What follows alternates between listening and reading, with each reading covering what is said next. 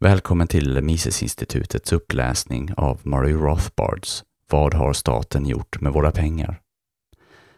När den här lilla pocketboksjuvelen dök upp 1963 var den avsedd för massdistribution och det har den över de senaste fem decennierna verkligen lyckats med.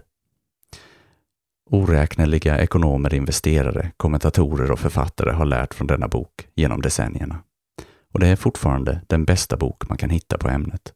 Ett verkligt manifest för sunda pengar. Rothbard kokar ner österrikisk ekonomisk teori till sina minsta beståndsdelar och boken gjorde också flera teoretiska framsteg. Rothbard var den första som bevisade att staten och enbart staten kan massförstöra pengar och han visade exakt på vilket vis de genomför denna smutsiga gärning. Minst lika viktigt är att den är vackert skriven. Han berättar en rafflande historia och det märks att han känner djupt för ämnet. Passionen som Murray Rothbard känner för ämnet lyser igenom hans prosa och når läsare. Läsaren blir begeistrad och berättar för andra. Elever berättar för sina lärare. Somliga, såsom Ron Paul, har till och med bestämt sig för att utsätta sig för politiska uppdrag efter att ha läst den. Rothbard visar precis hur banker skapar pengar ur tomma intet och hur centralbanker som har staten i ryggen låter dem komma undan med det. Han visar hur växlingskurser och räntor borde fungera i en sann och fri marknad. När det gäller att beskriva guldstandardens undergång nöjer han sig inte med att beskriva de övergripande trenderna. Han ramar in och snokar upp samtliga intressegruppers involvering. Sedan Rothbards död 1995 har forskare arbetat med att fastställa och studera hans arv och många är rörande överens om att denna lilla skrift är en av hans absolut mest viktiga.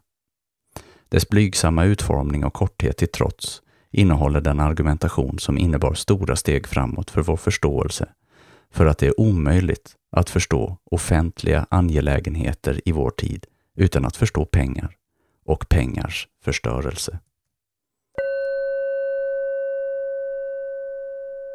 Introduktion till den svenska utgåvan av Per L. Bylund Pengar är en central del i den moderna ekonomin. Oavsett om man personligen anser att pengar är av godo eller ondo, så är det trots allt få som skulle argumentera för att pengar inte utgör en hörnsten i ekonomin. Alldeles oavsett om man befinner sig inom den vänstraste vänster eller den högraste höger eller någonstans däremellan använder man nästan utan undantag pengar på nästan daglig basis. Många av oss bär på dem i vardagen eller litar på att någon annan överför pengar mellan oss och annan part när vi så önskar. Vi eftersträvar som regel pengar och byter bort pengar. Men vad är pengar? Ett sätt att svara på frågan är att försöka beskriva det vi idag kallar pengar, det vi har i plånboken och det som vår arbetsgivare sätter in på våra bankkonton. Pengar är papperslappar med unikt och svårligen kopierat mönster eller runda metallslantar av speciell storlek. De är transaktionsmedel som vi utan tvekan ger upp när vi införskaffar varor och tjänster och som vi accepterar som lön och betalning, som kompensation för något vi förlorat och gottgörelse för sveda och verk. Men en sådan beskrivning är egentligen inte speciellt begriplig. Bara den som redan accepterat hur pengar verkar fungera i alla lägen, som nyttjat dem själv och därför vant sig vid att använda dem, kan förstå en sådan beskrivning. En person som aldrig handlat med pengar skulle inte begripa varför någon skulle vilja acceptera gamla papperslappar som gjorts obrukbara av tryck i bläck för något användbart som en bil, en barnvagn eller en matbit. Än mindre begripligt blir det när man inser att pengar har olika valörer, men att nedsölade papperslappar i allmänhet är värda mer än metallslantar. Det borde väl egentligen vara rimligt att något stryktåligt och blänkande metalliskt som en tio eller femkrona borde vara mer värt än en papperslapp med en siffra med flera nollor och någon gammal kung på. Man kan kanske intuitivt förstå att en större peng är värd mer än en mindre, så numren förtydligar bara varför en stor sedel med siffran 500 är mer värd än en liten sedel med siffran 100. Men den logiken gäller inte alltid, så storleken har uppenbarligen ingen betydelse. Lägg därtill att i stort sett varje land har sina egna pengar, som inte med enkelhet kan blandas med andra pengar. En papperslapp med 100 i ett land kan vara mer eller mindre värt än papperslappar i andra länder med samma siffra. Varför är en papperslapp med numret 100 i Förenta Staterna värt mer än en större papperslapp med numret 500 i Sverige? En beskrivning av pengar kan inte förstås utan att diskutera pengars funktion. Pengar fungerar som betalningsmedel och de fungerar därför att alla förstår och accepterar dem. Det är så man förstår pengar inom den neoklassiska nationalekonomin. Pengar i sig har inget egentligt värde, utan är ett numerär som man använder för att snabbt och enkelt ingå affärer. Transaktioner har lägre kostnader om man använder pengar, så de har en samhällsnyttig funktion. Men det verkar vara ett cirkelresonemang att hävda att pengar är pengar för att alla förstår och accepterar dem. Det är sant att i stort sett alla använder dem, men varför? För att de är pengar. Men att vi använder pengar för att de är pengar och pengar är pengar för att vi använder dem gör det knappast mer begripligt. Vi kan nyttja pengar i analyser av ekonomiska frågor för att det är enklare att räkna. Men det är ju inte av den anledningen alla accepterar pengar som betalningsmedel. Inte heller är det för att lagen säger att vi måste acceptera svenska kronor som betalningsmedel i alla transaktioner som sker i Sverige, liksom man i Förenta Staterna enligt lag är tvungen att acceptera dollar. Det är inte tillräckligt att lagen säger så. Historien kryllar av exempel där en monark eller statsmakt försökt förmå folket att nyttja ett nytt betalningsmedel, men utan att lyckas. Så för att förstå vad pengar är och varför de används måste vi se till pengars funktion i samhället som helhet, liksom den funktion pengar fyller mellan individer i varje transaktion. Pengars ursprung Detta är vad Karl Menger 1840 till 1921, grundare av nationalekonomins österrikiska, kausalrealistiska skola, gjorde i den numera klassiska essän Geld, publicerad 1892.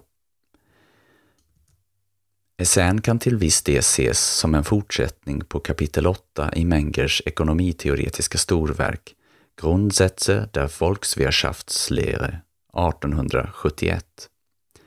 Kapitlet, som i originalspråk bär titeln Die Lehre vom Gelde, diskuterar pengar ur ett empiriskt perspektiv och går bland annat in i en diskussion kring vilka metaller som ansetts lämpliga i olika kulturer vid olika tidpunkter. Essän från 1892 erbjuder en mycket noggrannare analys med fokus på pengars ursprung.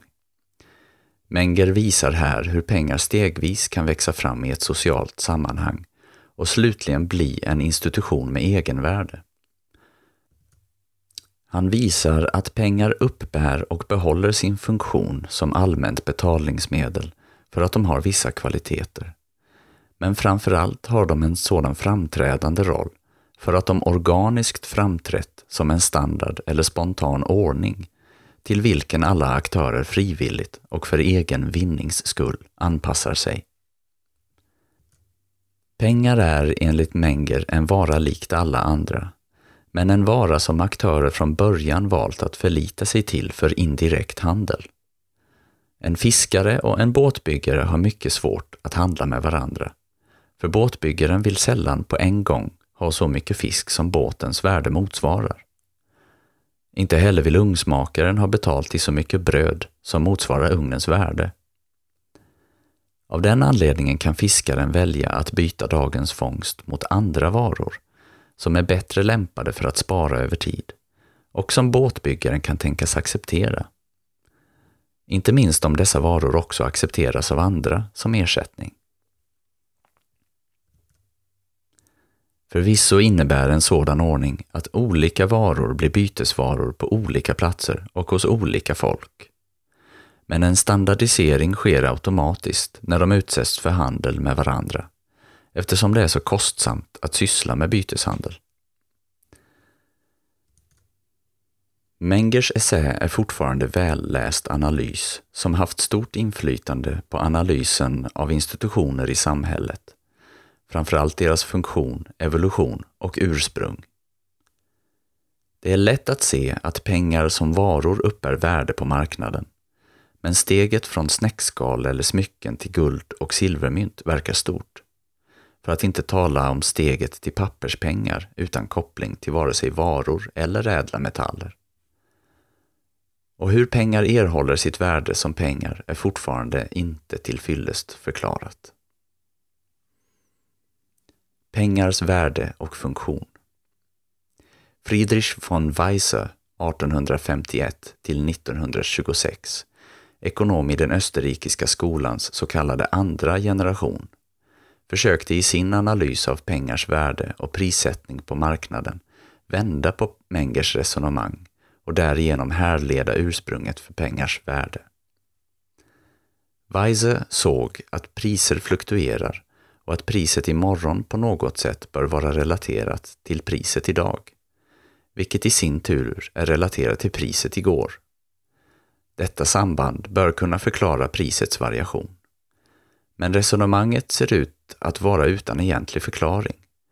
För om priset idag, vilket implicerar pengars köpkraft, beror på priset igår, som beror på priset i förrgår och så vidare, då finns ingen grund till det värde som marknaden sätter på pengar och andra varor. Denna problematik löstes av Ludwig von Mises 1881 till 1973 i Theorie des Geldes und der Umlaufsmittel 1912. Här visar Mises genom det så kallade regressionsteoremet att det faktiskt inte handlar om en oändlig regress. Vid någon tidpunkt måste pengar ha uppstått på det sätt Menger visade, vilket innebär att varan pengar ursprungligen hade ett bytesvärde som endast vara. Där i ligger varans egentliga marknadsvärde, eftersom pengar också har värde som allmänt accepterat betalningsmedel har marknadsvärdet justerats uppåt för att motsvara användningen av varan som både vara och pengar. Marknadsvärdet av pengar justeras automatiskt till den nivå som motsvarar aktörers preferenser. När värdet på pengar går ner kommer fler välja att använda dem som varor än tidigare och vice versa, vilket över tid får en stabiliserande effekt.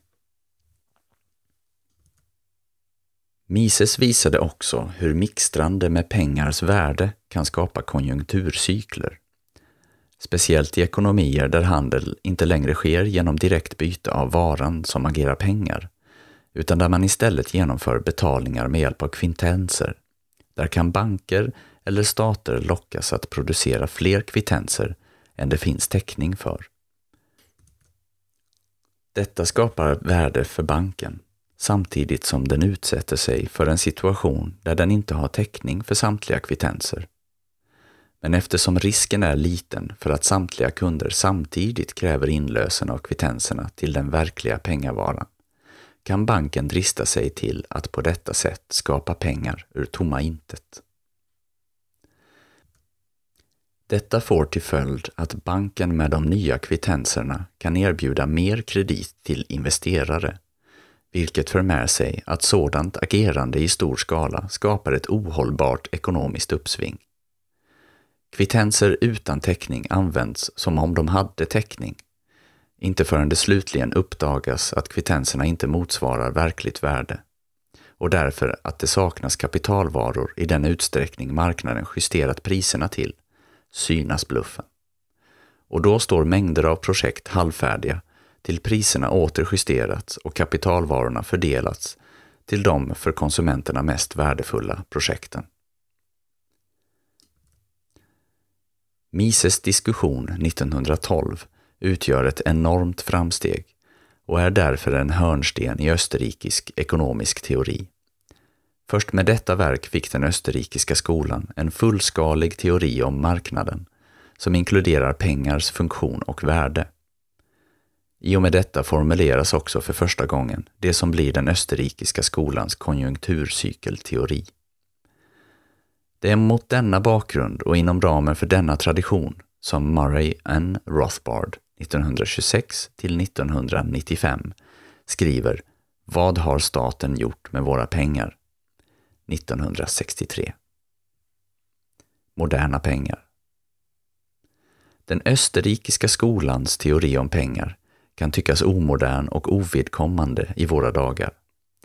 Idag finns inga valutor med tydlig koppling till varor, vilket gör att de teorier som utvecklades av Menger, Wiese och Mises förefaller vara irrelevanta. I en värld av pappers och digitala pengar finns ingen anledning att diskutera varupengars ursprung och värde i byteshandeln.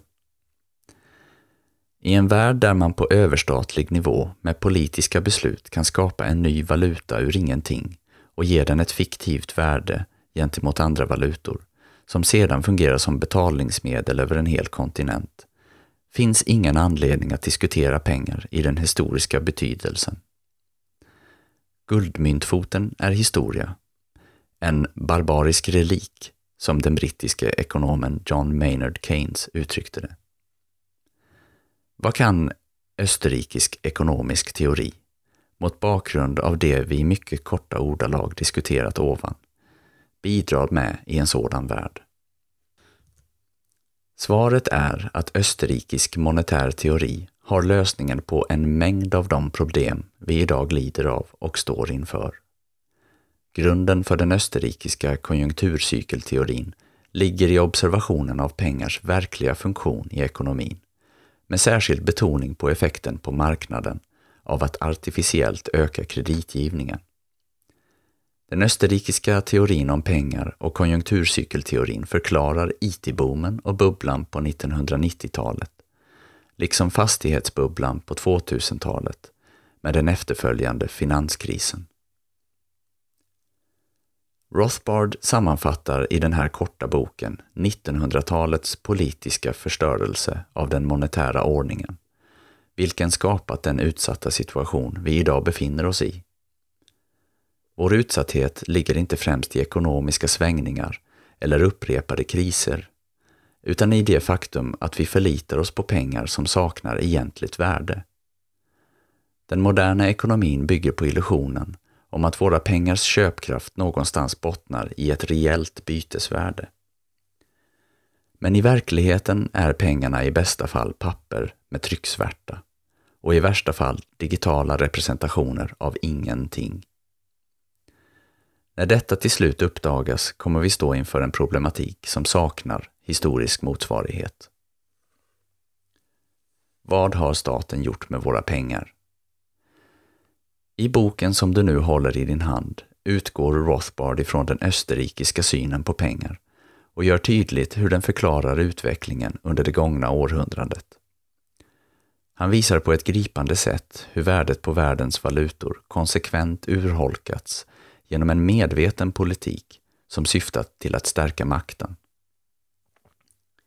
Rothbard visar med förträfflig tydlighet hur samtliga amerikanska och internationella arrangemang för att kontrollera valutor och handel endast skapat ytterligare problem, vilket för sin lösning till sin synes fordrat ytterligare politik.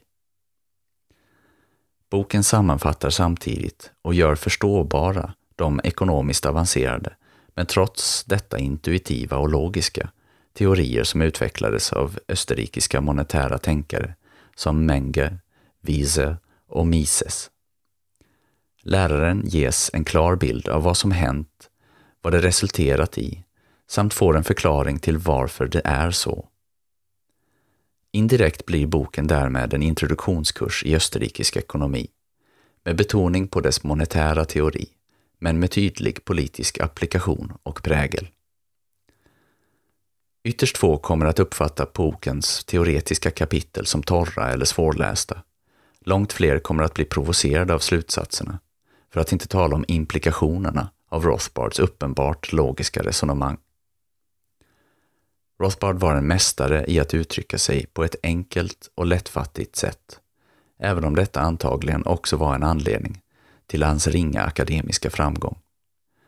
Men om ett författarskap kan bedömas efter dess slagkraftighet bör Rothbard tveklöst hamna i topp. Han hade, vilket läsaren snart blir varse, den enastående förmågan att skriva på ett lättfattligt sätt med ett enkelt språk, men ändå utan att textens mening blir lidande. Få skriver i så klara ordalag och utan krumbukter som Rothbard. Det är väldigt få som har förmågan att samtidigt uttrycka sig så enkelt och tydligt, så utmanande men ändå kraftfullt och logiskt stringent. Detta präglar samtliga Rothbards verk. Även om Rothbard skrivit mycket som är klart läsvärt och intressant, så är det få av hans verk som har påverkat så många som denna korta men kärnfulla skrift. Här visar han hur oerhört viktigt det är att ha grundläggande kunskap om monetär ekonomi och politik för att kunna uttyda det som sker i världen och vad vi kan vänta av framtiden. Men han gör samtidigt klart att det varken behöver vara tråkigt eller betungande att skapa sig en sådan förståelse. Vad har staten gjort med våra pengar är kolossalt lättillgänglig, men samtidigt både skrämmande och fascinerande läsning. Boken är ett sant mästerverk. Den är ett måste i varje tänkande människas bokhylla och bör snarast läsas perm till perm. Per L. Bylund Columbia, Missouri, april 2013.